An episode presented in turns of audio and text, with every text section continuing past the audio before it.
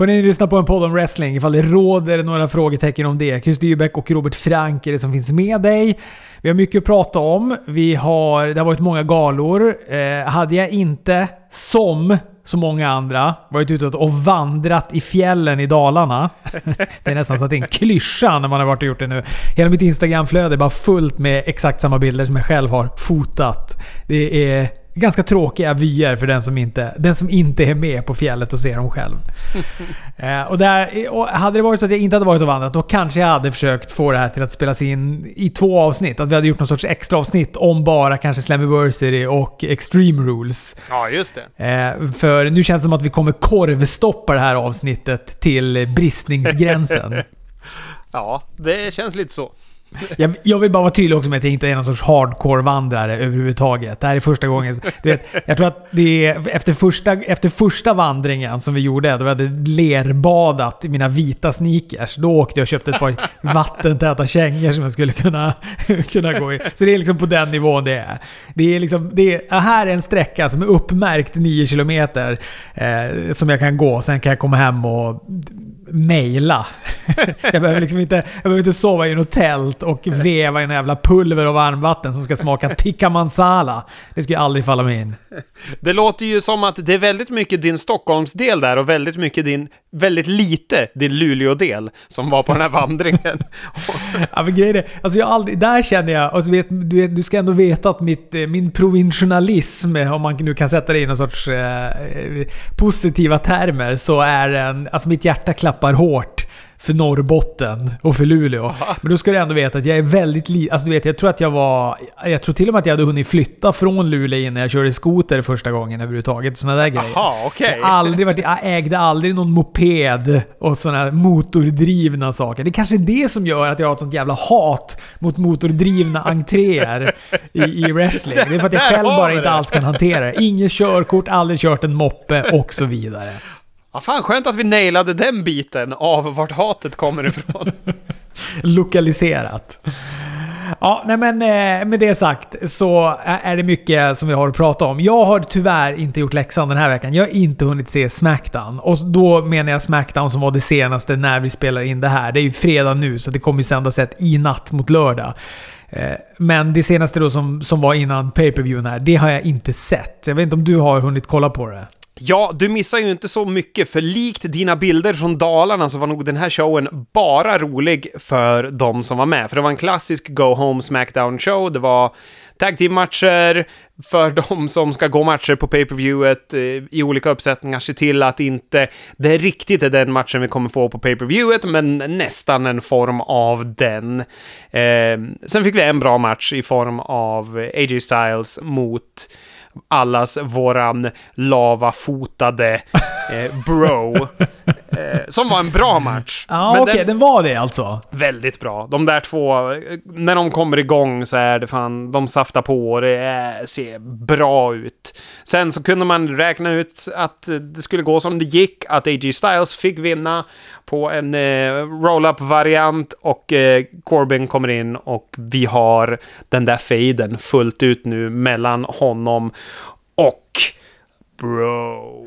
För det var ju lite det man tänkte, att det, det där kommer mynna ut i en... Eftersom han var redan inledningsvis, alltså redan på sin debut va, så var de väl i luven på varandra, Baron Corbin och, eh, och Matt Riddle. Och det har man ju eh, har man ju sett på med förskräckelse att det då ska utvecklas till någon sorts fame. Men det, ja, det var väl oundvikligt då.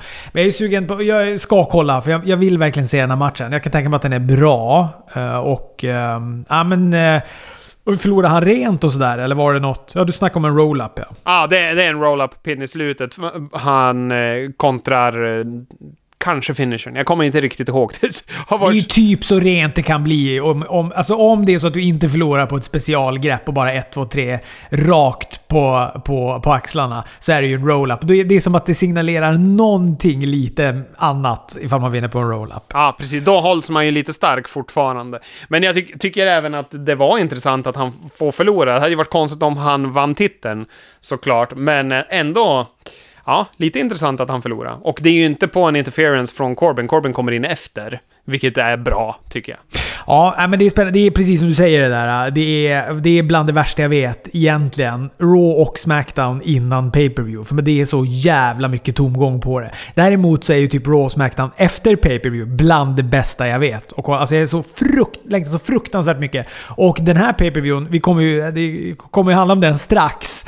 Men då den här Extreme Rules pay-per-viewen som var, det kändes ju att de verkligen hade, och ja, av förklarliga skäl också då eftersom tittarsiffrorna är katastrofala så, så har de ändå peggat upp för att man verkligen ska vilja kolla på Raw och Smackdown. Nu gick det ju sådär för Raw med facit i hand ändå. Men äh, jag kan verkligen Och Smackdown är, du vet, det är bara så här, det är, en, det är, det är två dagar innan. Det är 48 timmar innan en pay per ja. det, det kommer inte hända någonting spännande på, dem, eh, på, det, på den sista showen. Nej, det, det var, den eh, hängande storylinen var vad kommer det bli för match i Tag Team-titelmatchen och alla visste redan att det skulle bli en tables match, för det är det de har hållit på och stökat med i flera veckor. Så så spännande var det. Ja, det är spännande ändå också med AJ Styles, för att man tycker om honom. Eller man, jag älskar honom. Jag lägger orden i munnen på dig, men jag antar att ja. du gillar honom också Chris. Otroligt. Jag har fan såna här eh, pinsamma AJ Styles-strumpor. Jag börjar berätta mer och mer om min garderob här, ja. vilket känns jobbigt. Du har bara erkänt att du har vita sneakers när du hajkar. Jag har låtit som att jag sitter som den största market i världen. Men jag brukar stolt gå runt med mina AJ Styles-strumpor och känna mig lite frän när jag tränar. Men vars har vi AJ Styles? Var är han någonstans? Han är inte kontinentalmästare nu. Har han en eh, världsmästar-run eh, i sig? Är han på gång att tackla av? Han säger väl att han kämpar varje dag med tankarna om retirement. Men han har ju vad, vad ryktet säger en reduced schedule när de väl hade house shows och så vidare. För att han inte är så sugen på att vara borta från familjen. Han är, verkar ju vara en hel eh, man. Så han eh, är väl väldigt mycket familjefar, dricker väl inte och är liksom en lugn människa utanför ringen. Sen så verkar det ha blivit jävligt liksom svärtat vatten när eh, hans kompisar eh, Gallows och Anderson blev releasade och eh, han frågade rakt ut Paul Heyman om han låg bakom det, för de hade hört rykten om det och Paul Heyman sa nej. Men när AJ sen går till Vince så säger Vince att ah, det var en Heyman-grej. Och det tror jag har liksom solkat hela hans glädje här på slutet. Mm. Jag fattar det väl som att det, jag vet att när han bytte till Smackdown så gick det rykten om det där. Att han gjorde det för att han inte kom överens med Paul Heyman. Och nu, eh, de peggade ju upp här nu. Vi ska börja, strax börja prata om Impact Slammiversary pay-per-viewen här. Och den bubblade ju inför den pay-per-viewen. Så bubblar det. De hade ju långt inför den då flaggat om att de, att sparkade WWE-brottare kommer att finnas på galan. Det är ju i princip det de har sagt till oss. Vilket också gjorde att vi alla satt och, och gned våra händer och var sugna på att kolla på den här pay-per-viewen. Och eh, Gallows Anderson de deklarerade ju bara några timmar innan i deras podcast att de skulle också vara på plats. Ja, det, har, du har lyssnat på hela den podden eller? Nej, jag har faktiskt inte lyssnat på Talk Shop alls eh, med dem. Jag lyssnade på en del av det. Framförallt så lyssnade jag då på den här biten. Och ja, men det är ju som du säger, de verkar liksom skylla hela sitt avsked på Paul Heyman. Och eh, det ska då vara anledningen då till att Ajax gick från Smackdown till, eller gick från Raw till Smackdown för att han inte klarade av eh, Paul Heyman. Nu är ju han inte kvar där, så nu kan han ju gå tillbaka till Raw om han vill. Men ja, jag vet inte. Alltså Paul Heyman kan ju absolut ha lobbat för att alltså lobbat till vinst för att de inte ska vara kvar. Men att han sitter på den makten, det är ju... Alltså hör inte AJ Styles själv att det är orimligt? Och det låter så konstigt utifrån allt man har hört, för Vince brukar ju alltid skyddade sina när folk ska bli releasade. Att han tar den smällen och att han heller inte vill att, vill att folk ska veta det innan. För då kommer de bete sig annorlunda kring eh, de brottarna som kommer bli releasade. Att det är bättre att han tar smällen. Han är the be all end all. Så att det låter ju mycket underligt. Jag menar, vad fan, har de sett sig själv på tv? Gallows och Anderson, de har inte bidragit mycket. Det är väl ingen stor surprise. Förutom att de hade ett nytt fett kontrakt. Ja, och jag gillar ju dem. Jag, och jag gillade ju att de körde den här grejen ihop med, eh, med AJ Styles också. Nu kommer jag inte ens ihåg vad det var, men det var det här långa namnet. The Only the... det var no, någonting. The OC. The OC, ja. The Only the Original, the Jada Jada Club. Eh, och den gillade jag. Jag tyckte det var bra. Men sen så är det ju också så här, de bokades ju WWE-style. Så det var ju som att det var en vecka så var det åh fan nu är det något nytt fräscht dundertag till eller dunderstall här med AJ Styles. Och så sen så var det jobba till något skit tag team veckan efter. Så att man tapp, luften gick ur en ganska snabbt där. Exakt, det är det jag menar. Har de inte sett att de har varit jobbers, alltså att de var långt ner på hierarkin? Ja, nej, men jag vet inte. Men det är något i den här storyn som jag tycker är, Det har pratats jättemycket om den i olika poddar också, jag har lyssnat om. Och det känns som att det är något som inte riktigt stämmer. Det, det, är som att de har bara fått någon... De har hängt upp sig på att det här har med Paul Heyman att göra. Jag lyssnade, eller jag kollade på Being the Elite här för, i, under veckan också.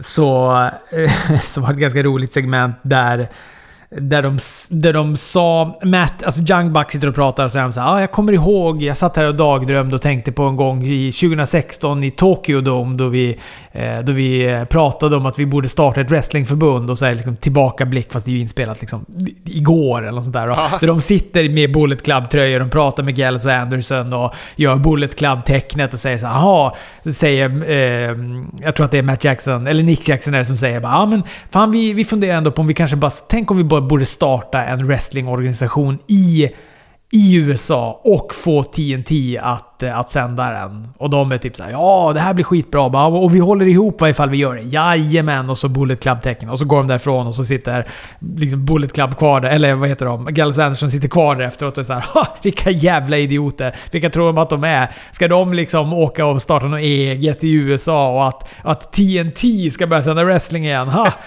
Efter, sen det liksom vraket förra gången kommer Ted Turner aldrig ta i wrestling igen. Och så pratar de om att så här, det här är ju bara... Bullet Club, vad fan är det? Det här är ju bara en biljett rakt in till WWE. Vi ska bli kända och ekonomiskt oberoende. Och så säger de så här, för det finns två Paul där som vi all, verkligen kan lita på. Så gör de någon fistbump. Och så. så att de, de verkar ju verkligen ha hängt upp sig då på, på att Paul Heyman är den som har gett dem sparken. Inte Vince, vilket är konstigt, för det är sannerligen. Talk and Shop, visst är det så den heter? Talk ja, and Soup talk, eller? Nej, Talk, talk and Shop. shop. Ifall man vill lyssna på det. De ska tydligen prata mycket om Saudiarabien också. Men jag tror att den var två timmar lång eller sådär, så jag har inte tagit mig igenom hela. Men det ska jag göra när tillfälle ges. Ska vi beta av Impacts Slammiversary eller? Det tycker jag! Jag såg ju den in i sista sekunden. Fyra minuter innan vi började rulla den här inspelningen, då såg jag det allra sista som händer och det var ju faktiskt en surprise och dit kommer vi ju sen. Ja, men vad bra att du då har så färskt minne av den, för jag såg den timmarna efter den hade sänts. Eh, så att mitt minne är lite sådär. Men jag vet att det var ju en hel del ganska flashiga comebacks, så jag tycker väl att det var en gala med en del bra grejer.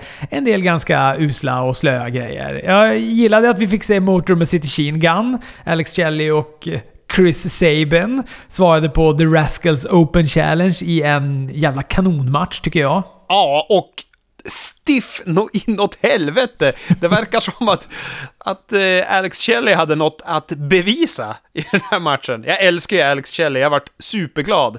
Jag har ju för mig att de har retirat, eller i alla fall Alex Shelley har väl hängt upp stövlarna någon gång. Jajamän, han gjorde ju det för ganska länge sedan på Ring of Warner. Jag till, såg ju till och med hans sista match där och då pratade han ju också om det, om att det var slut och sen kom han tillbaka. Sen så blev, poppade han ju upp på NXT där helt plötsligt också och var tag team med Kushida och var där Timesplitters igen, eller Time... Ja, Timesplitters. Eh, så där dök han ju upp och då var jag lite så här, ja men jag hoppas att han får kontrakt här nu. För att han var bra och det känns som att han... Men, men det fick han inte. Han var ju borta sen, eller han dök väl upp på tror jag Ring of Warner sen igen på deras pay per view efter det. Då läste jag också någonstans att han, eh, att han inte var intresserad av heltidswrestling utan han bara ville ha det som en bil. Så kan man ju för sig också, så kan man också säga. Jag tror att när jag spelade i punkband och folk sa “Skulle ni inte vilja ge ut en skiva?” Så sa jag saker i stil med “Nej, jag vill inte ägas av något stort skivbolag. Vi vill nöta på här med våra kvintackord i källaren istället. Tycker vi är mycket härligare.” Eh, ja, man skriver sin historia utifrån sina förutsättningar. Men han pratade i alla fall då om att han var så nöjd med att vara lärare, eller vad fan han nu höll på med också. Och ville ha lite wrestling på sidan av. Men jag tyckte det var kul att han dök upp här. Jag tyckte det var en kanonmatch. Det var kul att de fick vinna den matchen också jag vart jätteglad. Jag, var, jag trodde ju att det skulle vara OC som kom in här, eller Good Brothers, som skulle svara. Det var så upplagt för det. Och sen så fick man en annan härlig överraskning istället. Ja, det var verkligen upplagt för det. Och det var också nästan så att jag satt så här, du vet, när main eventet eh, var liksom klart. Jag bara, vilket jävla... De, de kommer ju inte ens. Eller vad är det här? Vars är de? Vad är det för falsk marknadsföring? Så att jag störde mig. Ja, vi, vi kommer komma till det här konstiga i main eventet, när man sitter och blir lite besviken. Tommy Dreamer mot Moose i en, eh, ja vad kallade de det? Old, schools, old school rules match som var en eh, hardcore match. Som jag tyckte var usel, slö och fantasilös. Säga vad man vill om Impact, det är mycket som är fräscht och härligt. Första matchen var ju kanonstart på en pay-per-view, men här är de ju ett trött VVE farmar, en trött VVE farmarliga. Och ett, ett fint exempel är på, man kan ju ha tyckt att AW hade dåliga, de klippte lite dåligt, bildproducenten var kanske inte den piggaste i världen, men här är det fan 50 resor värre. För Tommy Dreamer får ju en kendo-stick sparkad i ansiktet ganska tidigt i matchen som ser ut att ha skadat honom ganska rejält. Eh, och när de ska visa reprisen på den här, då visar de en repris på exakt det som händer i Picture in Picture. Att de ligger ner och har ont ja, men det var mycket som inte funkade med den här, äh, den här produktionen. Alltså, det var repriser som inte spelades också. Det var inslag som verkligen inte klaffade. Don Callys headset funkade inte i starten. Nej, ah, det, du vet, och sånt där tar ju ner helheten också tyvärr. Att man känner att det är så här, ja, nu blir det korpen. Nu är ni korpen. Det är inte ens publik. Ni borde verkligen ha all, haft all tid att kunna förbereda det här i lugn och ro. Och in-ring promos i början var ju bara housemicken. De fick använda ljudet som fångade upp housemicken. Den var inte linad direkt in till ljudet. Nej, verkligen. Och det blev ju väldigt tydligt sen när Heath Slater där dök upp också. Och man bara hörde inte ett jävla ord av vad Karn sa. För att man... ja, det var bedrövligt. Det var bedrövligt. Vi fick en number one contender för knockouts-titeln också. Det var någon Gotlet-historia som jag tyckte var bedrövlig. Och här var de ju återigen liksom 20 år tidigt, alltså de är, för 20 år sedan känns det. Det här, och de kallar dem för knockouts fortfarande och det var, fan det kom in någon kvinna som har, att hon är en strippa som gimmick. Jag har ju dålig koll på Impact, men hon kom ju och sköt sedlar och twerkade och eh, ja, jag vet inte riktigt vad fan det här var. Nej, men det var mycket. Och Johnny Bravo kom in som... Eh, han var utklädd till Taya Valkyrie första gången. Sen dök han upp andra gången. Då kommer jag inte ihåg om det var Rosemary han var eller vem han Ja, nu var. precis, han var, var utklädd det två var det. gånger i alla fall när han var med i den här. Nej, fy nej, men det var, det var jättetråkigt. Det var det verkligen. Jag gillar ju Kylie Ray. Ja, eh, hon var ju signad till AW och sen så försvann hon och bad om att få bli släppt från det kontraktet, var borta ett tag, sen kom hon tillbaka. Det är, är väl kanske någon psykisk ohälsa som döljer sig där bakom, här för mig. Ja, precis. Hon är ju en sån... Jag vet att första Jag tror att det var All Out som jag såg henne på första gången. Eller om det var All In den hette då möjligen. Då hade jag också köpt det här paketet med eh, S- Starcast. Starcast, ja precis. Som, som genererade... Jag betalade svin mycket pengar för det.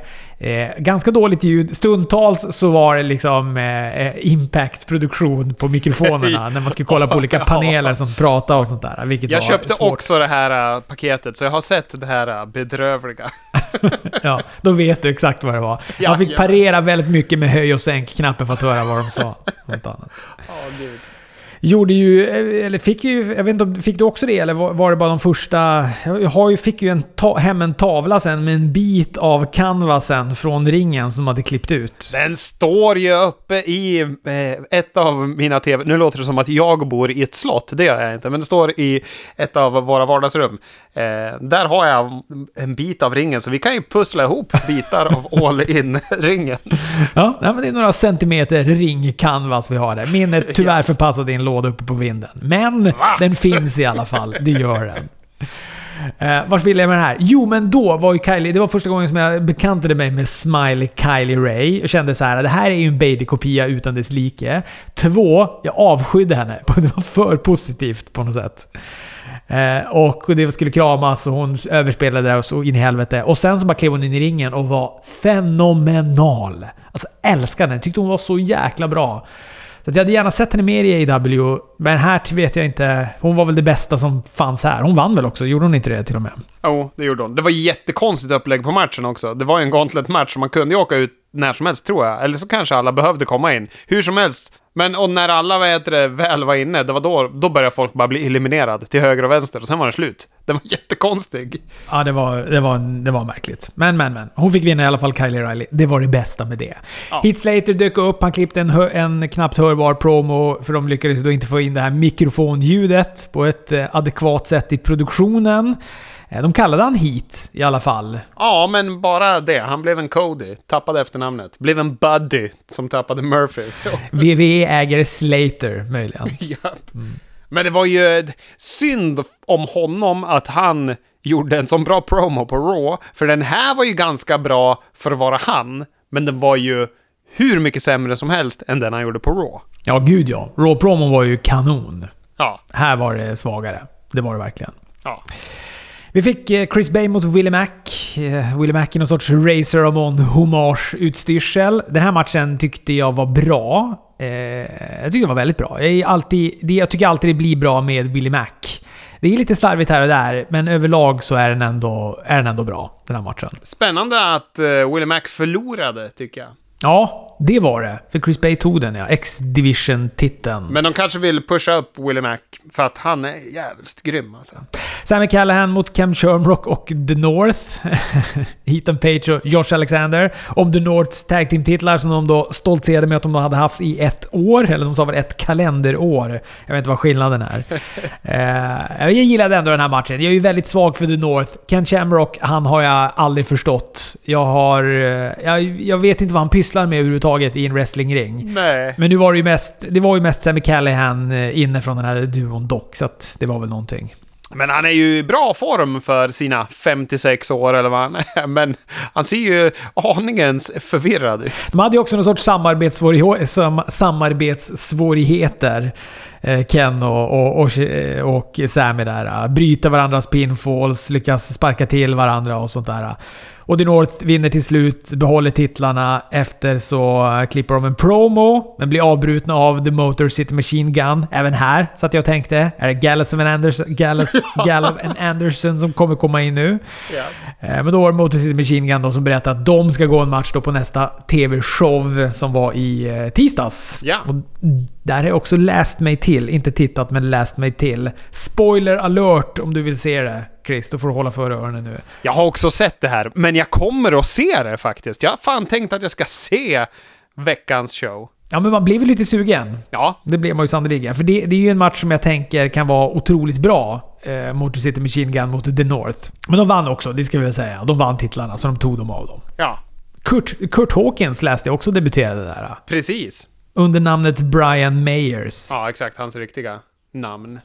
Vi fick eh, Diana Porozzo mot eh, Jordan Grace om den här knockouts-titeln som Diana vann. Eh, ja, det var eh, som så mycket annat med den här galan tycker jag. En helt okej eh, match. Jag tyckte den var bra faktiskt. Ja, jag läste, jag läste att flera tycker den här var bra. Jag blir lite f- frågande varför ni tycker den är så jävla bra helt plötsligt. Ja, men jag tycker den här var bättre än eh, bägge eh, kvinnomatcherna på Extreme Rules faktiskt. Jag tror det här var den bästa, eh, vad heter det, kvinnomatchen, dammatchen på eh, Ja men den här wrestlingveckan tycker jag. Jag tycker den var skitbra helt enkelt. Väldigt bra psykologi. Men var den bättre? Alltså du menar att den var bättre? än- Jag tyckte de var så jävla bra matcherna på, eh, på eh, Extreme Jo, Rules. jo, men jag tycker den var helgjuten rakt igenom. Jag tycker, vi kommer ju till de andra matcherna sen. Jag tycker ju speciellt Aska och Sasha-matchen, den krackelerar ju lite.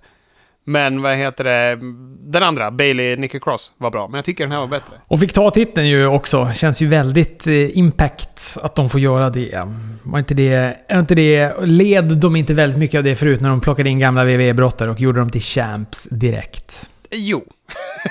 Main eventet eh, var om den vakanta Impact-titeln. Ace Austin, Eddie Edwards, Trey och den fjärde hemliga brottaren som fram till starten då visade sig vara Rick Swan.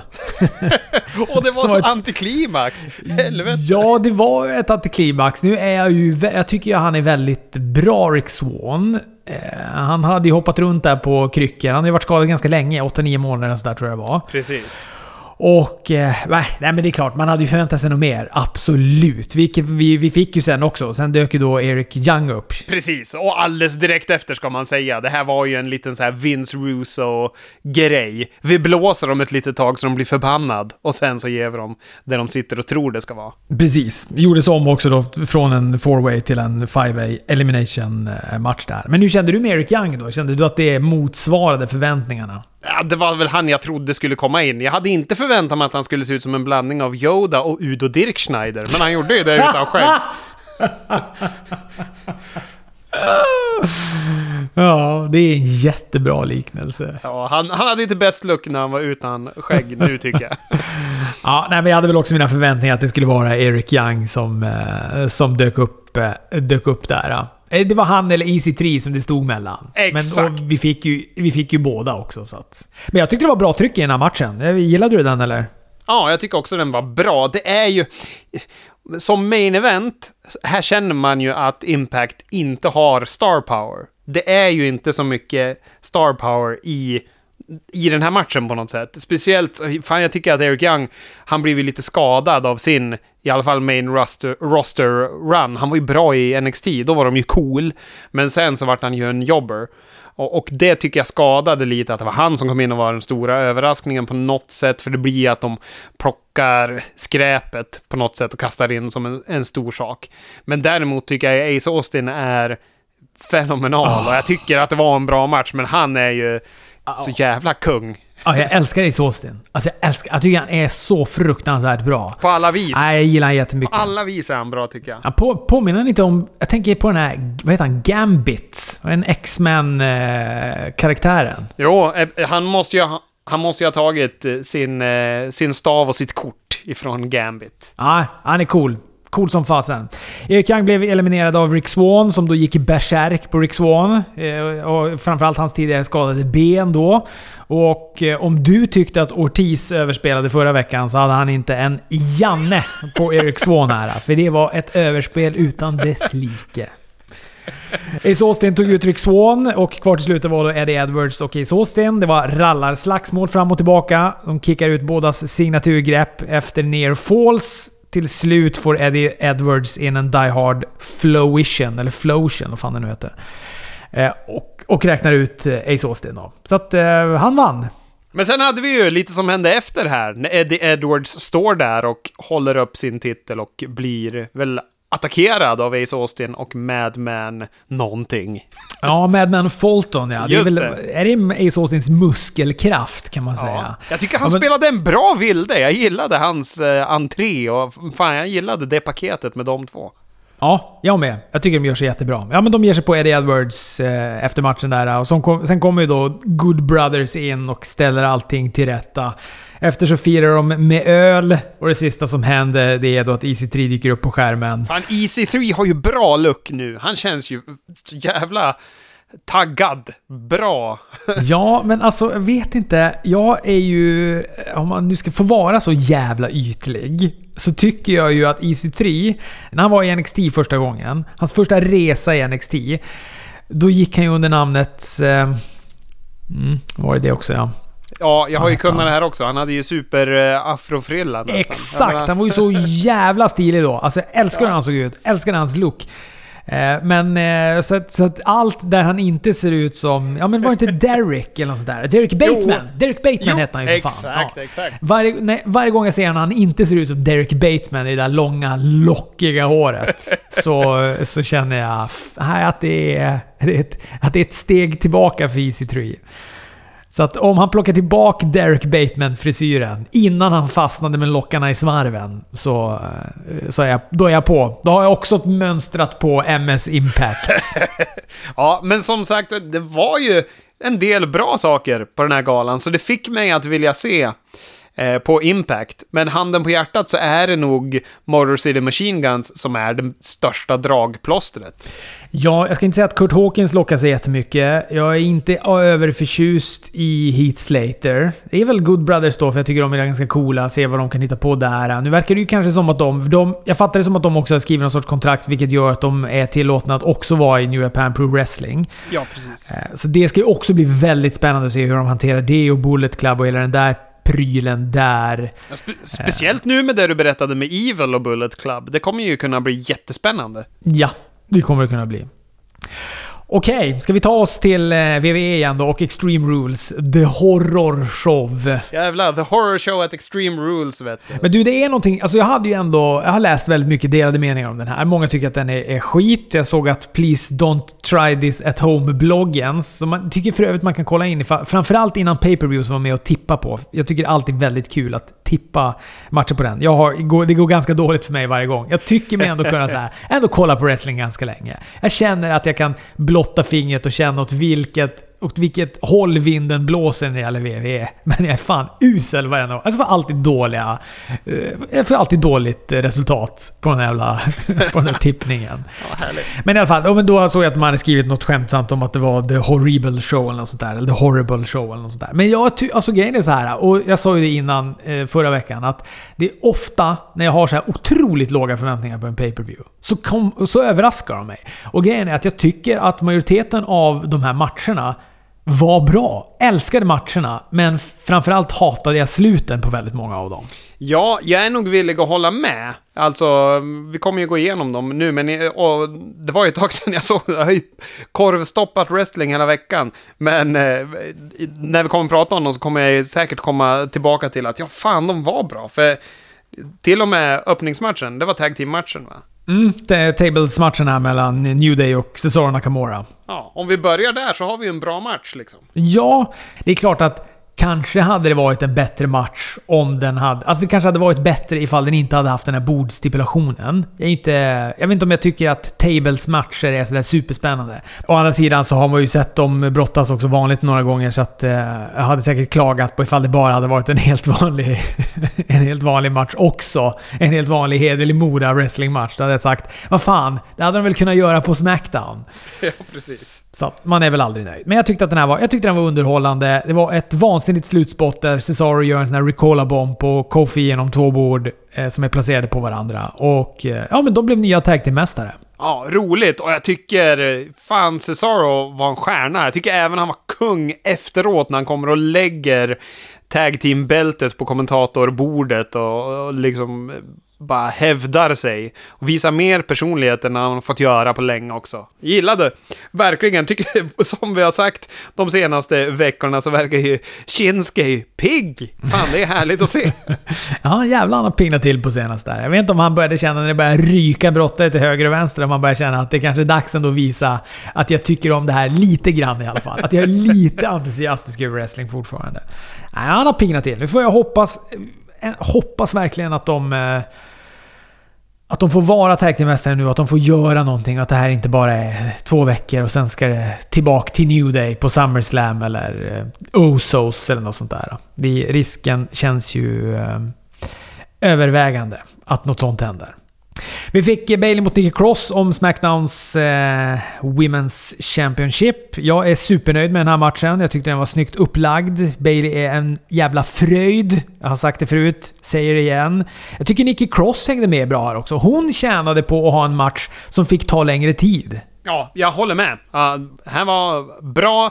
Den tog sig, precis som du säger. Alltså, det var en bra match. Två liksom... Eh, en halvbra match till en bra match. De liksom eh, trappade upp tempot och underhållningsvärdet bra.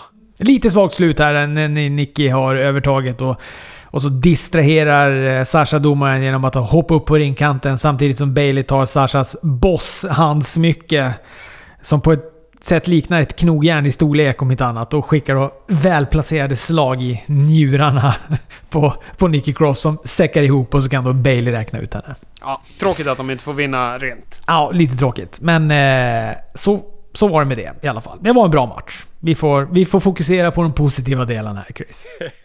Sen fick vi ett segment med Bray Wyatt, där han då ska visa tidernas värsta ögonblick på Smackdown. Och då sätter då Rambling Rabbit på ett klipp från det här karaoke-segmentet från Smackdown då, av misstag. Och sen så fortsätter han då att bygga sin match mot, mot Braun istället då.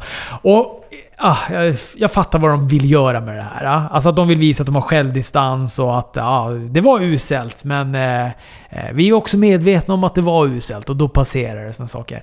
Och grejen är att jag tycker inte att det där de har gjort det här några gånger tidigare också. Eller några. De gör ju det här varje gång. Det var inte för inte så länge sedan de pratade om det här vinstsegmentet också när, eh, när Triple H och, och eh, Shawn Michaels eh, stod i ringen och hade Triple H jubileumshyllningar och såna här grejer. Alltså när det blir grejer som blir väldigt dissade i efterhand så är de ganska snabba på att visa så här, ah, kolla vad självdistans vi har. Vi kan också skoja om det här. Men jag, nu är det så här, nu, är det, nu får ni bara sluta göra skitgrejer. Vad sägs om den grejen istället? Prova bara istället att inte göra skiten. Istället för att ni bara ska visa att ni har så mycket distans till det efteråt.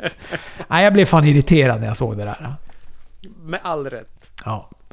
MVP han kröner sig själv till US-mästare eftersom Apollo Crews inte kan gå match på grund av skada, säger de. Men enligt eh, Wrestling Observer så var det The Rona, även känt som Corona, som verkar vara eh, orsaken till det. Eh, lär väl mynna ut i någon sorts undisputed US Unification Championship-match där de unifierar de här två bältena. Så småningom. För mig får MVP gärna vara champ. Absolut. Va, hur ligger vi i status på vad du tycker om bältet då?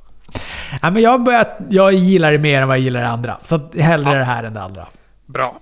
Har vi konsensus där eller? Ja, absolut. Seth Rollins mot Rey Mysterio i en öga för öga match. Men det var ju en bra match. Vi kan ju börja med att säga det kanske.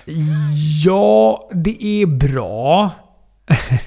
jag vet inte. Jag bara så här, när jag började se den här så tänkte jag så här, de har fan misstagit det här för en tand för en tandmatch. För att de, Seth hade med sig någon sorts tång in som absolut inte går att plocka ut ett öga med. Men det är, kändes mer som att man kan plocka ut någon, någon kindtand som bråkar med en sån där tång. Jag skulle kanske beväpna mig med, med någon sorts grillspett eller liknande virknål i den här öga för öga-matchen. Ja. ja, de, ja. Om man tar bort alla de här delarna när de riggar upp saker för att peta ut ögonen på varandra. Det var ju trasiga kendo-sticks och det var något armeringsjärn och sånt som dök upp. Så har vi ju en bra match mellan allt fåneri. Verkligen. Det är en, det är en jättebra match där. Det är en kanonmatch där, tycker jag. Så bortsett från det, bortsett från allt det där så var det en bra match. Men det är ju också svårt att bortse ifrån det. Det är svårt att bortse ifrån att Seth Rollins helt plötsligt stod och började kräkas i hörnet. Och... Ah, jag vet inte det här slutet också. Det avslutas med att Ray och Seth står och knegar vid den här ståltrappan. Seth lyckas då trycka in hans öga mot trappan, likt sist då. För att, och så ska han då gå för en spark. Men plötsligt så börjar han ju bara kräkas istället då. Och, och skriker “Oh my god, hans öga är ute” eller något sånt där. Och då avslutas matchen. Det är liksom lite nidbilden av hur fake wrestling kan vara och det tycker jag är trist. Och man ser ju även någon form av halloween-sminköga mellan eh, Ray Mysterios fingrar när han ligger där och åmar på backen. Ryktet säger ju att det var bandat just bara den slutet. Det är ju, är ju, är ju live den här galan. Det står ju live uppe i hörnet sådär. Och eh, tydligen så ville de banda bara själva för de skulle göra väldigt mycket med sminkningar och sådär just när ögat åker ut. Och gör det och så sen ser Vince där och bara såhär, nej det här är fake, det här är äckligt. Det här, vill jag inte ha. Det här vill inte jag ha i min wrestling-show. Man bara, kanske du skulle ha tänkt innan det när de började prata om att de skulle gå en öga för en öga-match. Hur ska man lösa det här annars? Så det är därför det är väldigt... Eh, så då tog de om det då det bara, man bara får se väldigt, väldigt lite. Och så springer fram domare och lägger handduk på ögat också. Som om det, det skulle skydda det på något bättre sätt. Ja, jag vet inte. Bortser man från allt det där så är själva wrestlingen är bra i alla fall. Absolut. Sasha Banks mot Aska, eh, som också är en riktigt bra match tycker jag. Ja, en väldigt bra match fram till sista, kanske fjärde delen. Från när eh, Sasha halkar på repen och sen så sliter Aska av henne eh, löshåret och de har problem och får det liksom flyta i slutet tycker jag. Ja, för jag, jag satt och funderade lite på det där om det var skada eller om hon bara halkade ner från repet när hon ska gå för är hennes Meriora eller vad nu hon ska göra där. Eh, så, så, så, så bara helt plötsligt trillar hon ner och sen så håller hon sig för knät och tänker så här, fan skadade hon sig tidigare? Men, men det verkar väl som att hon, hon halkar, eller hon fuckar upp det och sen så börjar hon sälja knät bara för att eh, ja, jag måste paniklösa det här på något sätt. Exakt, och sen verkar hon förmedla till domaren vad domaren ska förmedla till Aska. Alltså vilka spots. Hur gör vi om det här nu då? Bailey kastar in bältet igen då så domaren missar när Sasha tappar ut. Och, eh, Aska då ska spruta sånt grönt eh, i, eh, i ögonen på Sasha, men hon duckar så det är domaren som får det här på sig istället. Bailey med, med bältet i bakhuvudet på Aska. Hon, hon eh, tar på sig då domartröjan och så räknar hon ut Aska och då tvingar de att ringa klockan och, och hämta det här bältet. Och det är ju ett, det är ju ett jävligt stökigt slut på en annars ganska bra match tycker jag. Ja, ja, jag tycker den var väldigt bra fram tills det började bli lite kaos. Både eh, rent vad som var tänkt och eh, vad som inte var tänkt. Vad jag upplever, det kan ju ha varit eh, eh, tänkt att hon ska falla, men jag tycker det ser ut som att hon faller på riktigt och sen så försöker de pussla ihop det i någon form av kaos. Ja, men den grejen kan väl ändå känna att ja, men det är väl, ja, så, det, så där blir det ibland. Och hon visade ju ändå någon sorts prov på bra improvisationsförmåga, Sasha, om inte annat. Absolut. Men slutet måste ju ha varit satt i sten. Att det ska vara så här. Och att, och att det ska vara någon sorts screwjob och att hon tar titeln och sådana där grejer. Ja, absolut. Jo, men det menar jag och det är ju jättetråkigt. Ja, det känns svagt. Det där med att ta... eh, Nu visar det sig att det inte blev. Hon är ju inte mästare. Den är ju vakant eller något sånt där då, når den där titeln. Så att... eh, Ja, jag vet inte. Det är väl för att de också vill eh, pusha över det där. För när man satt och såg det så tänkte man jaha, hur ska de lösa det här? Vad kommer det här vara? Ah, jag får ju kolla på Raw. Så att å andra sidan så gör de ju läxan på det sättet. Man, man blir ju sugen på att kolla på Raw. Man vill ju veta vad det är, hur det här ska gå och hur det ska bli med det här. Som main event så fick vi Drew McIntyre mot Dolph Ziggler. Dolph fick bestämma reglerna inför den här matchen då. Han hade ju hållit på det in till att matchen skulle börja. Vi fick då veta att matchen är en Extreme Rules, men det gäller bara Dolph Ziggler. Drew, han har helt vanliga regler. Plus att han då förlorar titeln om han blir uträknad eller blir diskvalificerad. Jag tycker att det här var en kanonmatch. Ja, jag håller med. Och vad heter det? Jag är lite sur att de inte har revealat stipulationen innan. För här gör ju att ja, han är ett hot, Ziggler. Han skulle kunna vinna titeln här, för nu har han ju allting till sin fördel. Hade man vetat det innan hade ju matchen genererat mer intresse än att man ska få veta det precis när de kör igång. Jag förstår ju storyline-mässigt, men det gör inte så mycket för att bygga hypen inför matchen. Nej, verkligen inte. Nej, det här, det här hade varit mycket bättre om de hade klämt ur sig, i alla fall veckan innan eller något sånt där. Så att uppförsbacken var lite brantare för Drew. För att han... Jag tycker att de liksom... Det var snyggt hur de gjorde storyn här också. Det är klart att det är kämpigare för, för uh, Drew McIntyre här också när han... Uh, när, när Ziegler får fula på alla de här sätten. Han gör ju den här höga jävla elbow-droppen från topprepet ner på Drew när han ligger på ett bord. Och bara där, redan där älskar man ju matchen. Efter att han har gjort den. Han lyckas ta sig in på typ 9 sekunder tillbaka in i ringen. Där möts han då av en seriegrepp av, av Dolph. Det är Famouser, det är Zigzag, det är Rock Bottom, det är en stol. Eh, men Drew kickar ut. Dolph går då för en superkick, men möts av en Claymore kick och Drew lyckas vinna. Jag är nöjd med den här matchen. Ja, och så jävla snygg slutsekvens. Den där Claymoren sitter ju med millimeterprecision. Det är så jävla snyggt. Ja, och att han också... Man ser verkligen... Det är inte det här att han står och räknar ner och så, Utan det är bara ja, nu måste jag använda mina absolut sista krafter till att få in den här jävla Claymore-kicken. Annars kommer inte jag lösa det här. Och så gör han det. Exakt. Det här hade ju kunnat få vara avslutet här då, för den här träskmatchen sen mellan Braun Strowman och Bray Wyatt.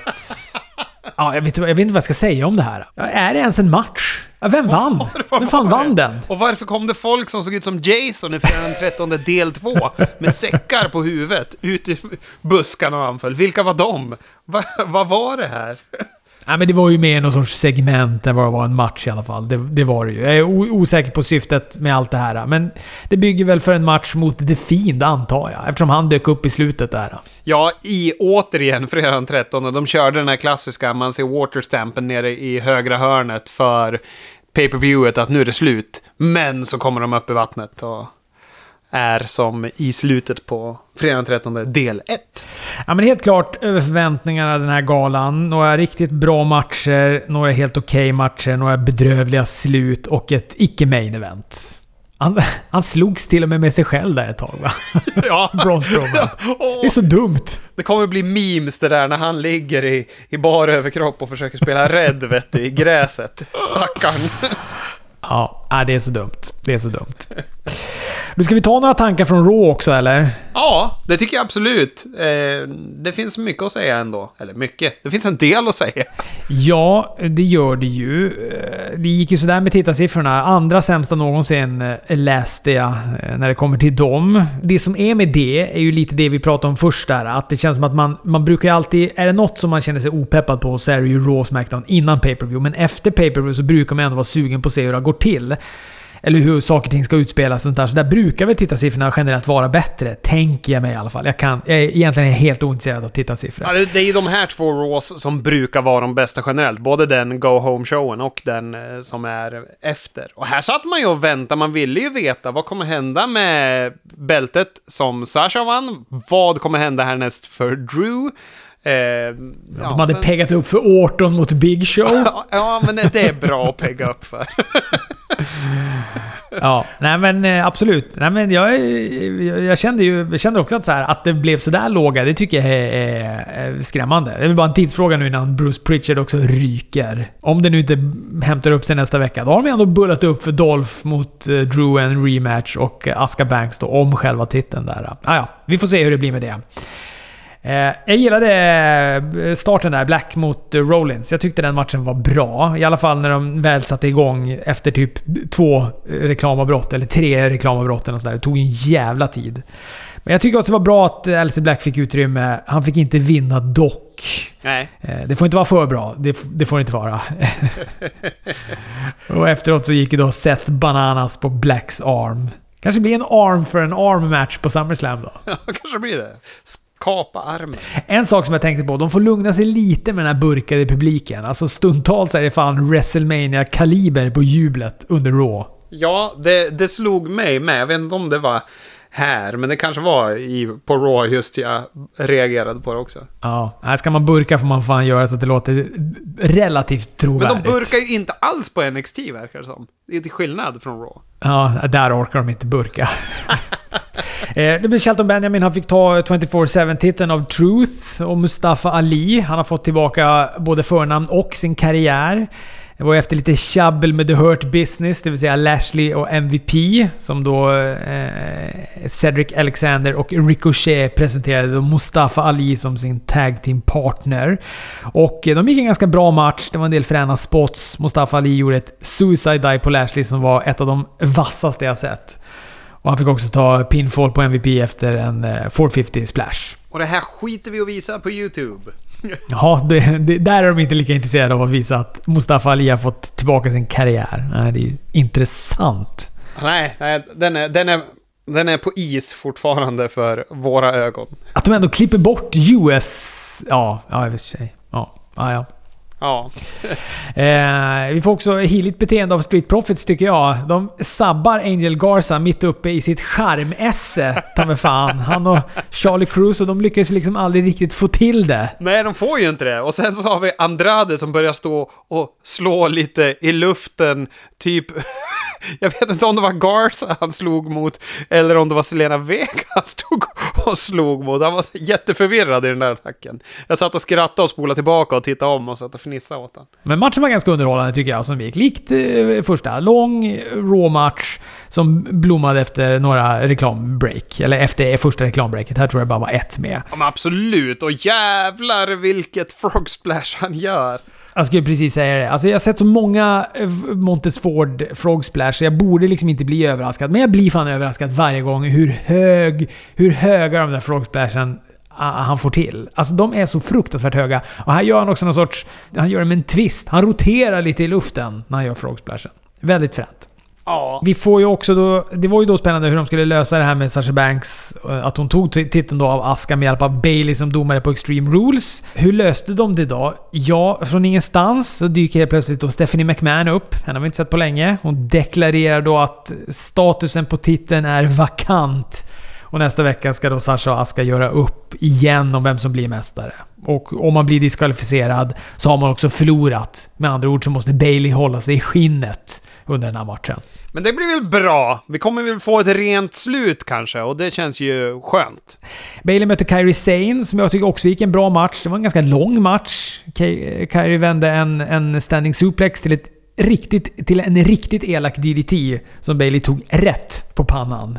Kyrie fick också vinna efter, efter att ha kickat ut varandras signatur elbows. Så gick Bailey upp då eh, för en Bailey to Bailey, men Kyrie rullade upp henne och tar pinfallet till 3. Jättekul tycker jag, det var överraskande. Där hade jag förlorat bettingen. Där hade jag aldrig bettat på att Kyrie Sane skulle vinna. Rent. Nej, det här sägs ju då ska vara Kyrie Sanes eh, sista dag. De bandade två Raw den här, eh, den här dagen då. Och, eh, så Raw nästa vecka, det, det kommer bli det sista vi ser av henne. Tyvärr. Ja, det är så. Vad tråkigt. Om de nu inte lyckas med någon mirakulös övertagningsförmåga. Men enligt Wrestling Observer så kommer hon då skrivas ut med en citat “career ending injury” slutcitat under nästa veckas match då mellan Aska och Sasha Banks.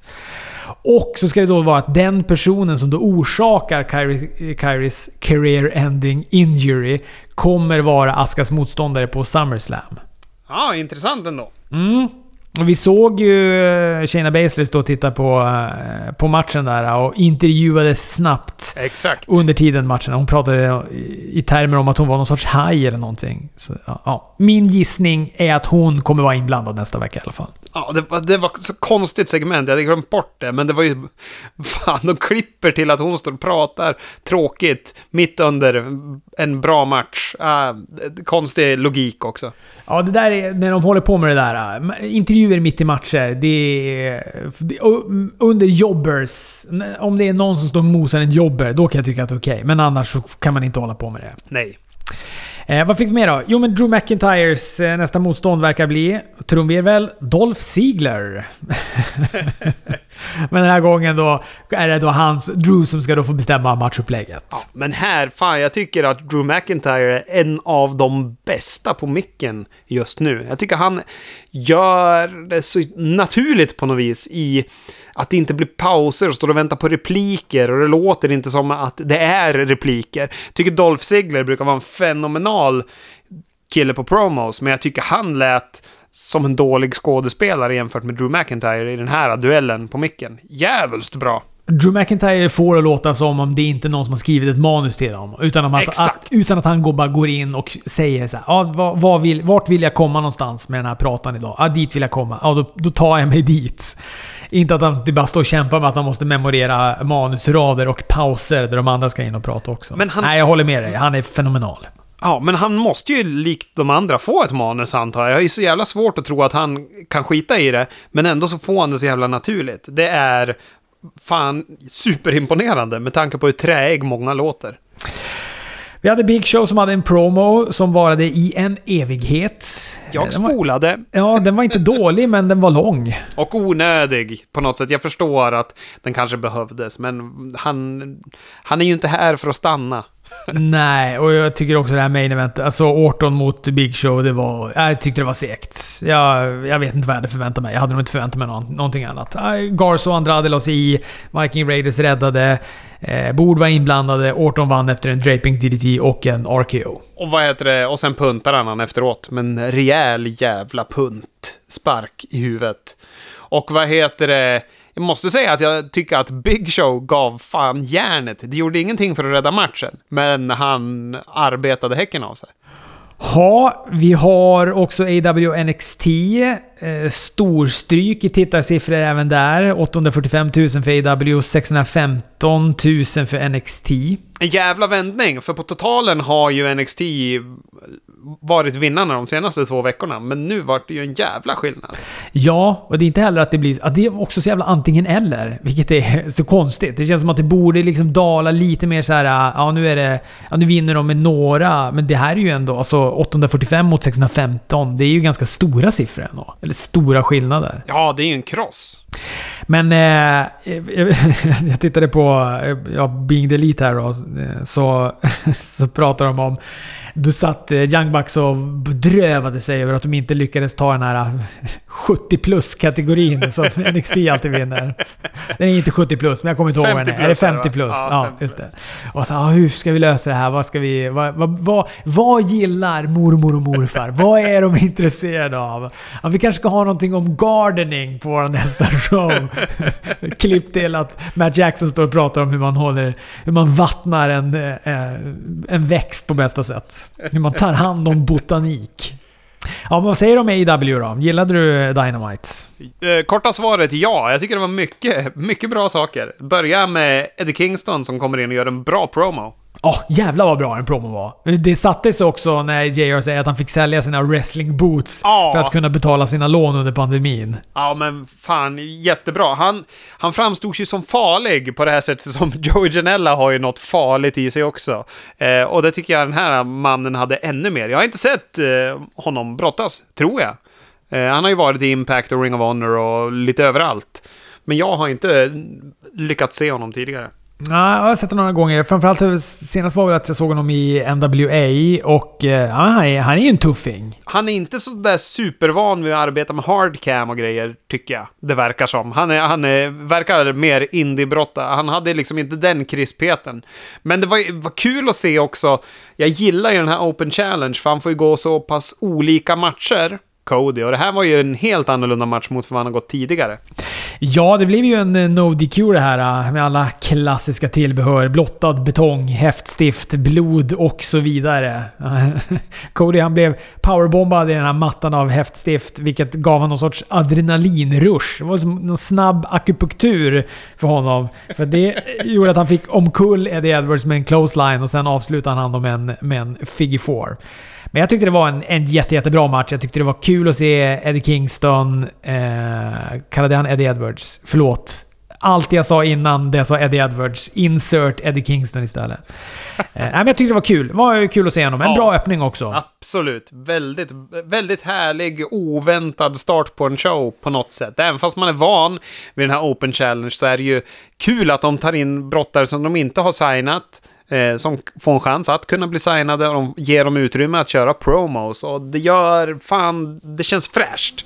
Se att det är mycket hashtag sign Eddie Kingston också nu. Folk är sugna på att, att han ska göra som, som de gjorde med Starks där, Ricky Starks. Precis. Att, de, eh, vet, att Tony Khan började skriva ut eh, kontrakt samtidigt som matchen pågick för att han var så blown away av den här. Ja, nu vill de att det ska bli samma, samma Askungs-historia med Eddie Kingston här. Får väl se hur det blir med det. Eh, vi får också MJF mot Griff Garrison. Vem? Mm. Griff Garrison, ja. Precis.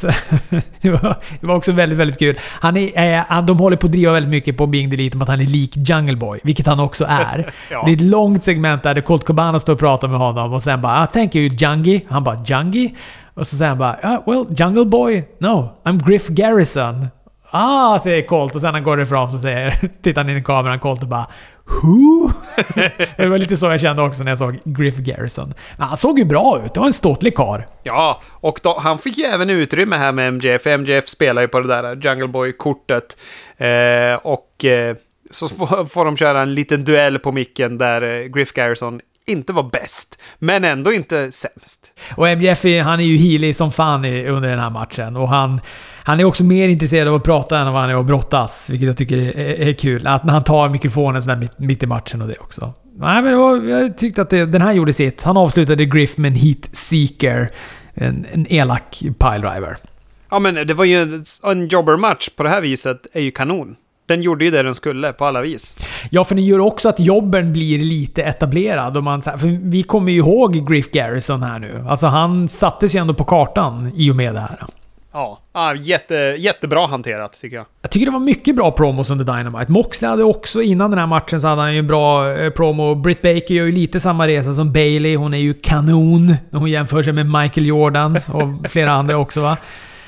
Ja. Eh, Ricky Starks verkar alliera sig med Brian Cage när de ihop gav sig på då Darby Allin. Luktar väl någon sorts tag team-match där då, kan jag tänka mig. ja, det kan vi nog definitivt räkna med. Om ni inte får vänta ett tag, jag- jag pratar om det var på Wrestling Observer eller någon annan av de här poddarna jag lyssnar på. De pratar om att han åkte på hjärnskakning. Han, han blev ju påhoppad bakifrån av Starks där, Darby. Vilket såg helt sjukt ut. Och att han tydligen ska ha fått hjärnskakning av det. Så då kanske det dröjer ett tag innan han... han kommer tillbaka från skada och blir skadad direkt igen. Ja. Jericho var också väldigt rolig i sin intervju där när han hade en ton av orange på sin nya... sin dyra blazer fortfarande. Men du, Butcher Blade och deras False Count Anywhere-match mot Young Bucks. Fy fan vad bra det var! Ja, det, det här var jättebra och jag kan inte låta bli att tycka att det är härligt att de står och styckar kött när matchen börjar. För det är så jävla dumt, men det är ändå så himla bra på något vis. Ja, alltså det, jag vet att när jag såg det här så tänkte jag så här, det är lite VVE att de ska så här, hitta Butcher Blade. Och då så här, ja det är klart de är även här på Daily's Place där de då i, är wrestlers. Eh, Även här så ska de stå och hacka sitt kött. För de är ju ändå butchers. ja. nej, jag vet inte. Man får väl överseende med det. Men ja, ja, det, var, det var kul. Jag gillade den här matchen jätte, jätte, jättemycket. Skrattade gott åt sidekicken i rulltrappan på Blade där bland annat. Nej, men den här var jättebra. Underhållning från början till slut. Helt eh, jättekul. Hans miss där när han ska igenom borden med en volt från, eh, från ringen, men missade Oh! hela bordet. Åh, han skallar kanten av bordet bara. Där borde det ha blivit hjärnskakning om något. En powerbomb neckbreaker kombination av Butcher och Blade. Sen knatade de iväg och hämtade bord som de ställde upp i entré-tuberna, eller de här tunnlarna som de har där. Bucks med comeback, eh, superkicks på Butcher och Blade eh, upp på borden. Eh, upp på tunnlarna och eh, i synk då levererar de en swantom och en elbow drop och eh, vinner matchen. Nej men det här var fenomenalt. Och kul att det gick så bra för Butcher och Blade här också. Verkligen, de växer på mig i eh, deras brottningsförmåga också. Jag har alltid tyckt att Blade varit bra, men Butcher växer också på mig. Jättebra, jättekul. Sen får vi se La- Lance Archer kasta jobbers i taket medan Jake the Snake klipper en promo. Ja, det var också roligt på något sätt. Men, och han har ju gått i Jake the Snake-skolan märker man i hur han levererar promon. Det står, man ser även att Jake nästan står och, och följer varenda ord och vill liksom ge han lite tips. Bra, bra, viska nu, viska nu och nu tar du i, nu tar du i. Sen fick vi också Evelise, en match med henne. Jag gillar henne jättemycket i Lucha Underground. Signades till AW, var med på typ den här Battle Royalen i starten. Och sen dess har jag inte sett röken av henne. Först tänkte jag att hon kanske hade hängt med Peter Avalon på, he, på, på, på Heat, eller på säga, på Dark. Men eh, det stod ju “Making AW Singles Debut” här eh, på, på hennes skylt. Så att hon har nog... Ja, hon har nog gjort något annat helt enkelt under den här tiden. Gick en match mot Diamante och... Eh, ett, de hade samma entré. det, var, det var ju... eh, såg exakt likadana ut när de kom in där. Och två, det var en beundran av Ivelisse som dog här. För det här var fan en besynnerlig match tycker jag. Det var skitdålig. Det var mest chops i, i ett gäng minuter och sen en roll-up av Diamante som vann. Det här var ju lågvattenmärket på galan. Den var... Ingen av de här två vann ju någonting på den här matchen. Nej, nej den, var, den var konstig. Så det var, jag var så peppad också på att jag skulle få se henne igen. Och så bara blir det skit. Verkligen. Jag trodde också Evelie skulle få vinna den här. Kändes som att hon är ett större namn än Diamante, men det är tydligen inte. Ja, ja. Five från Dark Order möter Hangman Page. Det är alltså Vankas singelmatch för Hangman. En, eh, ja, men en helt okej match va. Jag har inte så mycket till övers för Dark Order, men eh, Hangman Page gillar jag och han hänger med jättebra han Five här också. Ja, absolut. Och vad heter det, jag tycker även det är härligt hur de lägger upp det med att eh, Brody Lee har ju med Colt i Dark Order, men han skyler honom från det dåliga de gör. De står inte med när de står på rampen under matchen. Och de kommer in och försöker övertala Hangman att vara med i Dark Order. Och sen när han tackar nej, då skyler Brody Lee Colt genom att ta bort honom innan de ger sig på eh, Hangman. Tycker det är väldigt eh, intressant hur de bygger den delen av Dark Order. Sen ser de ju ut som skit med de här maskerna. Ja, men jag håller med. Det är snyggt det där hur de gör. Det, man är ju superspänd på den relationen. Eh, Bro- Brody Lee Colt Cabana. Absolut. Han, och han kommer väl in där och erbjuder... Page vinner ska vi säga först. Och sen så kommer han då Brody Lee in med Colt Cabana. Han erbjuder honom beskydd. Men eh, Hangman säger att han inte är så sugen på att joina någon sekt. Vilket var kul. Och eh, då eh, säger väl något... Han säger något hotfullt där och Brody Lee. Och sen går han ut och tar med sig Colt Cabana. Och då hoppar då Dark Order på Page. Som blir räddade av FTR och en kylväska öl. Och Omega som också kommer inspringandes. Men lite sent. Jajamän. Main eventet var Jurassic Express, och, och, det vill säga Jungle Boy och Luchasaurus, som mötte Hager och Jericho i en... Eh, jag tycker det här var en bra match. Det var ett bra avslut på det här Dynamite. Jag älskar ju Aubrey Edwards också när hon tänder till på det där sättet. Man vill ju bara ha publik på plats vid de här tillfällena. För de älskar när hon inte låter Jericho hålla på och domdera. Verkligen. Jericho tar pinfall på Luchasaurus efter att eh, Serpentico, en darkbrottare med mask i publiken, dragit Jerichos baseballträ i ryggen på Luchasaurus. Efter så går han ihop med Inner Circle och ger sig på The Jurassic Express. Han går upp på topprepet, sätter en shooting star press, drar av sig masken och då är det Sammy Guevara som är tillbaka. Ja, bra slut. Tycker att... Eh, eh, ja, men det är väl kanske lite kontroversiellt att Sammy Guevara är tillbaka så här tidigt. Jag vet inte, men jag tycker att det känns okej okay att han är tillbaka. jag tror att det har gått 30 dagar. Ja. Och nej, för sig, nu var de väl inte tydliga med att det skulle vara en, en 30 dagars suspendering. Man är bara så van vid WWE att det alltid är 30 dagar kanske. Så att...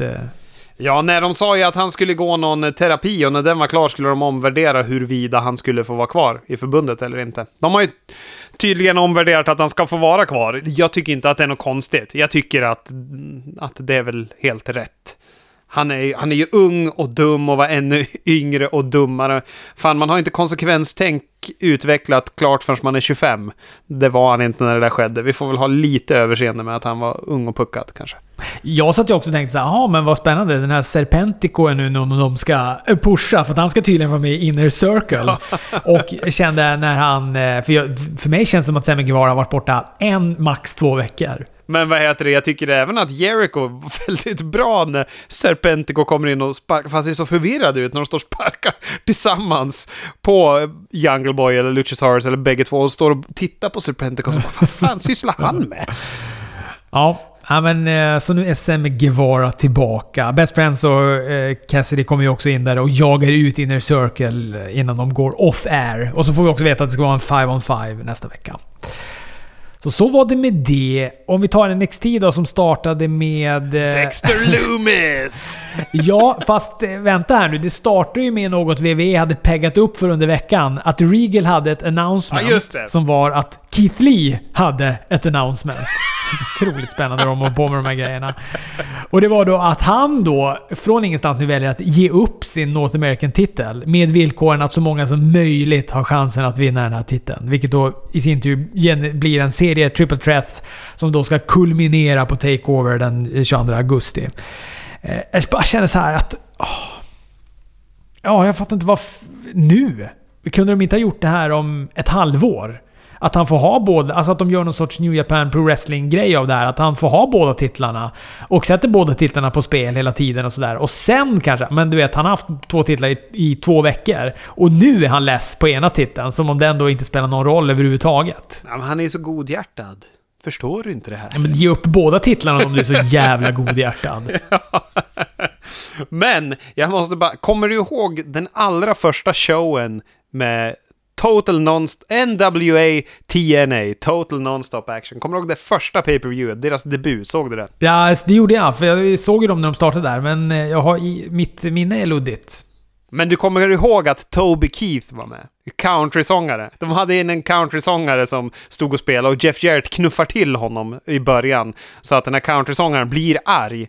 Senare under deras här uh, Gauntlet for the Gold så kommer Toby Keith in och gör en grym standing suplex som Jeff Jarrett gör allting, i alla fall på Jeff Jarrett, och sen hivar han ut honom. Och då i sin förvirring efter det så ska han göra, vad heter den här Razor Ramon-grejen, när man pekar på sin partner med bägge fingrarna, man liksom gör det åt sidan.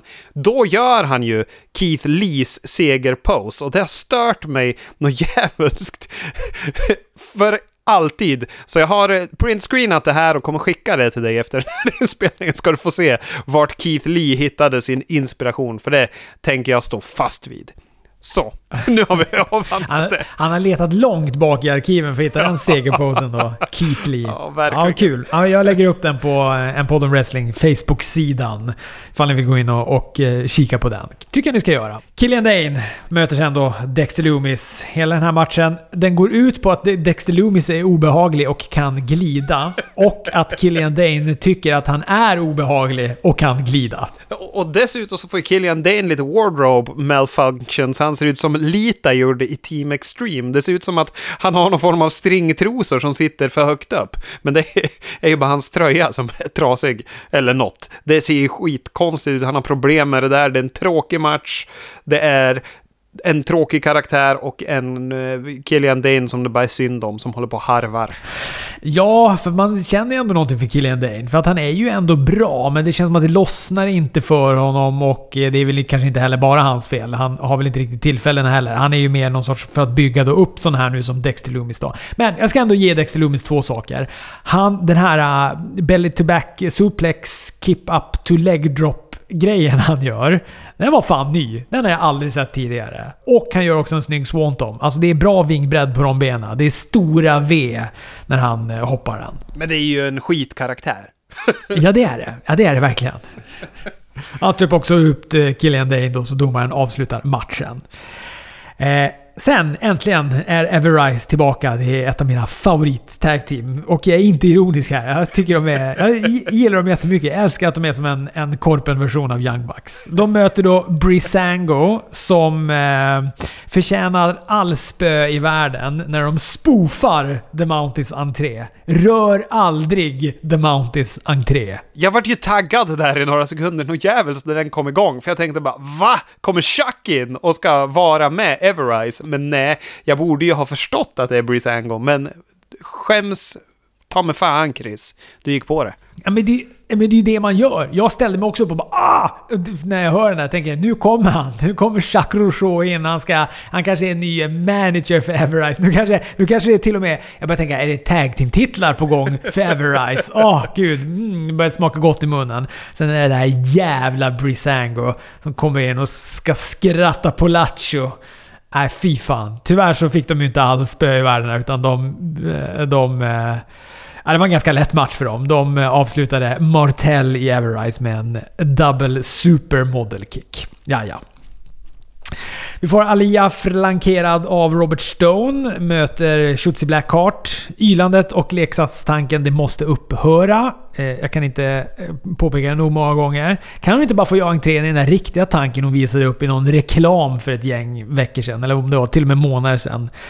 Kommer du ihåg det eller? Hon hade någon sorts långt... Eh, ja, men hon bara liksom pratade om sig själv, att hon var gammal punkrockare och, och gillade att spöa folk och sådär. Och då blev hon wrestler. Och under hela segmentet så bara glider hon runt i alltså en riktig jävla pansarvagnsjävel. Det vore väl något fränt. Nu är ja, men ju... De är ju ändå stationerade på Full Sail Center. Parkera skiten där ja. och låt dem ta in den när hon kommer. Det är det enda förlåtande maskindrivna entrén som jag, som jag accepterar. Det är en pansarvagn. Ja. Eh, hur gick det här då? Jo men eh, Shotzi Blackheart hon vinner på sin diving senton efter att ha skickat Robert Stone hos hans gipsade fot i backen.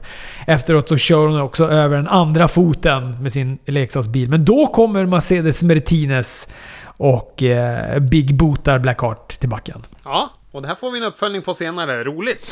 Ja, det får vi. Eller ja, uppföljningen blir väl att hon ansluter sig till Robert Stone Brand va? Ja, han eh, blir euforisk av lycka. Ja, men det ger väl också kanske lite mer... Jag är ju glad. Så länge, så länge det går bra för Robert Stone Brand så är jag glad. Och det känns som att det är lite mer substans i henne än vad det är i Alia. Tyvärr. Ja. Har du fattat att Robert Stone är en parodi på Tony Khan? Nej, men nu när du säger det. Ja, alltså jag, jag, för mig var det också helt... Men de har pratat om det här på Wrestling Observer nu. Bland annat senast. Jag vet att de har nämnt det någon gång tidigare. Jag tänkte såhär, va? Är det det? Eh, och, jag känner bara att det är... Ja, absolut. Det kan det väl vara. Men det känns så... Det känns så svagt. Jag vet, de, de kanske vill ge igen för Brody Lee, men det är ju svårt att parodisera någon som man inte har någon relation till. Alltså, Khan är ju ingen TV-personlighet. Nej, exakt. Vad heter det? Jag tyckte mest att han påminde om eh, Rico konstant. ja, en smalare variant. En mer slimmad Rico, ja. Jo. Ja. Men, nej, men jag kan ju förstå att man kan att det kan vara så, eller att man kan tro att det är så, att han är en parodi. Men som du säger, så han är ju ingen tv-personlighet. Nej, och kanske därför de missar målet. I alla fall med mig här, om inte annat. Ja, Ja. Vi får första triple threat kvalificeringsmatchen då för den här North American-titeln. Det är Bronson Reed, det är Gargano och det är Roderick Strong i en kanonmatch. Den här älskade jag. Ja. Ja, väldigt, väldigt bra. Gargano Strong var eh, också bra motstånd till Bronson Reed. Han fick... Eh, tycker han fick se jättebra ut i den här matchen. Verkligen. Det här var ju för att bygga honom på ett väldigt bra sätt i en väldigt bra match. Snyggt också när Gargano var på utsidan. Reed står på ringkanten och Gargano då misshandlar liksom Reeds knäveck med välplacerade slag. Och sätter upp honom för en powerbomb och så kommer Strong springandes med ett knä i ringen då för att få in... Alltså han knäar in Reed i den här powerbomben. Som också tar en riktigt tuff landning rätt på, eh, på backen där. Nej, det var snyggt. Och det är Gargano och Strong fram och tillbaka i ringen. Till slut sätter Gargano en final beat på Strong, men mitt i pinfallet och så från ingenstans så kommer Bronson Reed med en big splash från topprepet och räknar ut Strong. Så det var kul att han fick vinna den här matchen också. Verkligen. Eh, den här matchen är, är likt vad heter det, Griff Garrison mot MJF så gjorde den här matchen allt den skulle. Fast på ett mycket bättre sätt för det var en fenomenal match. Men den här byggde ju Bronson väldigt bra och de andra såg stark ut för de gick en jättebra match. Oney Lorcan och Timothy Thatcher går en rematch från Great American Bash. Det är ganska likt den förra matchen. Den är knegig. Möjligen är den lite för lång alltså. Jag avskyr ju MMA och det får inte bli för mycket grappling för då somnar jag fan av tristess. Jag tyckte att förra gången så höll de sig jätte, jättebra men här är jag... Mm, det blir lite för långt för mig här. Fan, jag tror att det är att du hade fel skor på dig den här veckan när du var ute och hajka, för den här tyckte jag var jättebra. Men jag kan ju också vara, vara i någon så här äh, rosa skimrande semestermood, för jag, den här matchen gillade jag jättemycket av någon anledning. Här tycker jag att det var grym psykologi. Vad heter det? Det är det jag gillar och jag tycker att det var så jävla bra slut också för han vinner ju på nöd och näppe genom eh, likt när Daniel Pewter höll på att bryta armen på Kurt Angle så lyckas han vända när han får in en Kimora på honom och lägger honom på rygg och pinnar honom med att dra tights med högerarmen som eh, är den fria armen eftersom Oney Lorkin har arbetat på vänsterarmen i hela matchen. Tycker att det var fenomenal psykologi och eh, bra de berättade en bra historia i ringen liksom. Mm, ja, men jag håller med om slutet, för det tyckte jag också var bra. Att han vann liksom på flax och fusk. eh, eh, Thatcher där. Ja, men det ska också bli spännande att se nästa vecka då, för då eh, får vi ju eh, Finn Balor och eh, Thatcher och Dexter... Ja, Dexter Loomis, det är väl sådär spännande. Men Thatcher och Finn Balor blir spännande i alla fall. Ja, men det är ju en intressant match ändå, alla tre tycker jag. Alltså, jag tycker att det... För det är en sån jävla omaka paring alla de här tre tillsammans. Det känns ju som att, att de har kastat pil här för att välja vilka som ska gå den här matchen. För den triple threat som vi hade den här veckan, den är ju ganska logisk. Vi har två bra workers som ska få Bronson, som också är en bra worker, men att kunna ge, ge, liksom förhöja hans styrkor. Jag misstänker att man vill kanske göra samma sak med Dexter Loomis, men Thatcher är ju så knegar-wrestlare och Finn är eh, fenomenal och Dexter Loomis är ju, han glider ju bara. Han glider och ser obehaglig ut. Ja. Ja, men det är, för det är också så här, man tänker ju att Finn Balor, han borde vinna för att han är eh, det största namnet och han är fenomenal. Men det känns också som att Thatcher och Dexter Loomis är, är brottare som de likt som Bronson Reed så här, vill pusha upp och kanske... Så, ja, så det ska bli spännande att se vem det är som eh, kommer ta den här. Men jag tror nog ändå att Finn Balor kommer... Eh, jag med. Men han gjorde ju en bra promo tycker jag, Finn. Och, och då pratar han just om det här “Your push ends now” och har ju den liksom retoriken kring det. Eh, nej, bra. Jag ser, fram emot det, trots att det är Dexter Loomis. Han snackade ju också någon sorts leather match och det hade inte jag hängt med på. Att det all, alltså alla kommer då kvalificera sig och så ska det vara en leather match då med alla de här som har kvalificerat sig på Takeover. Kommer bli bra. Det kommer ju bli kung. Main eventet är Carrion Cross mot Diakovic. Det är en... eh, Jag tycker det är en helt okej match. Ja. Det är ju Rocky 3 i wrestlingringen. ja, det är en bra referens. De har ju byggt upp eh, Cross ganska mycket. Kanske kan han inte riktigt leverera i brottning, den där entrén han gör. Nej. Men äh, vet- man ska väl inte döma ut honom än i alla fall. Han sätter Dajakovic huvud mellan ståltrappan och ringen, sparkar till trappan. Dajakovic är helt utslagen, men istället för att låta honom då bli uträknad så drar han in hans livlösa kropp in i ringen igen. Keith Lee kommer in. Dajakovic använder då sina sista andetag att förhindra Lee att lägga sig i den här matchen.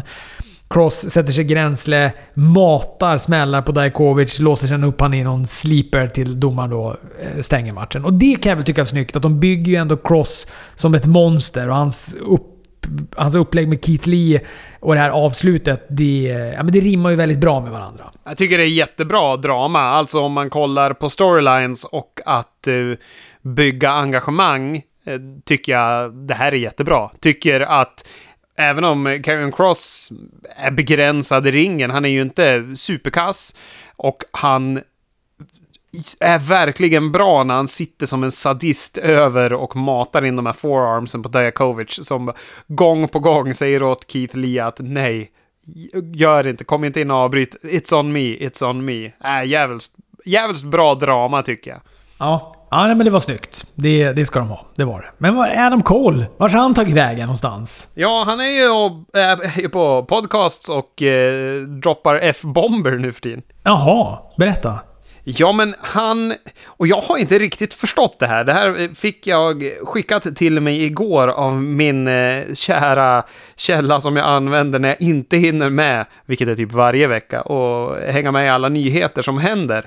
Eh, så skickade han ett klipp när Adam Cole är på Pat McAfees show, som är väl någon form av podcast, antar jag. Det här är ett videoklipp, men de sitter och, och pratar. Pat McAfee är någon eh, punter ifrån något NFL-lag. Puntern i NFL är den som sparkar iväg bollen så långt som möjligt så att motståndarlaget får börja så långt borta som möjligt. Det är deras enda roll i laget. De spelar inte under vanliga spel och så vidare. Så de är inte eh, stjärnorna i laget, de draftas inte tidigt och så vidare. Hur som helst, han, eh, de verkar ha käftat tidigare och här under den här showen så sitter McAfee och eh, ja, påpekar att den anledningen till att det har gått bra för Adam Cole är för att han har varit i Undisputed Era. Att det är därför de har låtit han vara eh, NXT-mästare och att han har varit det länge. Det är inte på grund av honom själv, utan det är för att han har varit omgiven av en bra grupp och så vidare. Medan när McAfee, han har varit ensam med bollen. Visst, han har haft ett lag omkring sig, men när en punter går ut på plan, då är det bara han,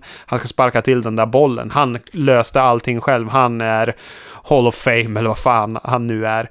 Eh, och eh, Cole blir förbannad och säger nej, jag har gjort det här själv. Jag har varit den längst, eh, longest reigning NXT champion och så vidare. Och då eh, säger väl den här Pat McAfee att han eh, är ju liten också. Han skulle ju aldrig ha fått den där titeln om inte han hade rätt personer kring sig. Och då brinner Cole av och bara droppar F-bomber till höger och vänster och stormar ut och säger att han har offrat eh, tid borta från sin familj för att vara på hans fucking shit show, typ någonting, och stormar iväg. och jag vet inte om det är ett work eller shoot. De ska ju tydligen vara polare. Eh, är det lilla jag har fått till mig då.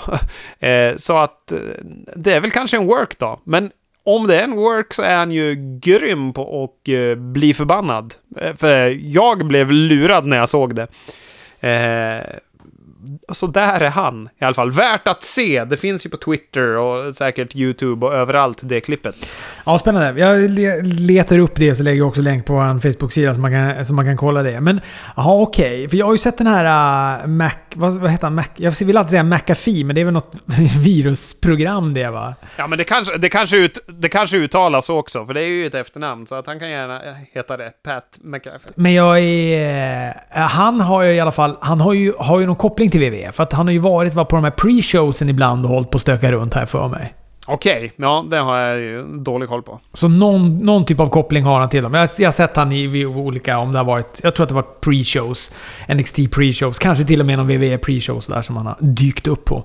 Ja, ja, okej. Okay. Spännande. Vi får se vad det blir av det. Men jag tycker inte att han ska hålla på och sitta i eh, betydelselösa podcast och och skrika F-ordet. Utan han ska vara på NXT och jaga tillbaka den där titeljäveln tycker jag. Medan vi ändå pratar om eh, folk som bråkar på shower och så vidare. Har du hängt med på Eh, vad heter han? Han heter ju Miro nu, men han heter ju Rusev tidigare och FTR och Road Dog, deras lilla dispyt på Twitter. vilken, vilken brokig skara. Ja, nej, vad, vad, vad tjafsar de om då? Ja, eh, FTR är ju som de är, uppkäftiga och lite dryga. Och Shawn Michaels fyllde ju år här, eh, om det var igår, förrgår, någonting. Och eh, då skriver Dax att vad heter det, det är Shawn Michaels födelsedag. Här är en bild eh, på den bästa brottaren som någonsin har snört på sig ett par eh, brottarskor. Och så är det en bild på Bret Hart. och då svarar ju, vad heter det, Rusev med No. Eller retweetar den med no. Och då, vad heter det... Eh, säger, vad heter det, svarar ju Road Dog på det att, vad heter det, härligt, kämpa på, God bless you dude. Och då, vad heter det, eh, blir ju Cash arg och säger bara, ja men vad då ska han kämpa på? Vi är väl de coola? Bara, nej, det är ni inte. Och då, då eh, svarar han bara, nej precis, vi är, vi du är ju en jättebra kille som aldrig snackar skit om talent så fort de gick därifrån eller skulle försöka begrava någon som inte höll med dig. Självklart, självklart. Eh, så att sura miner, inte bara mot Paul Heyman från före detta anställda, utan även mot Road Dogg då, tydligen. Sura miner och hårda tongångar i sandlådan. Hörru, det blir ett långt avsnitt det här. Jag hoppas att ni var med oss hela vägen till slutet. Jag älskar er för att ni är det. Vi, eh, vi säger så och så hörs vi om en vecka igen.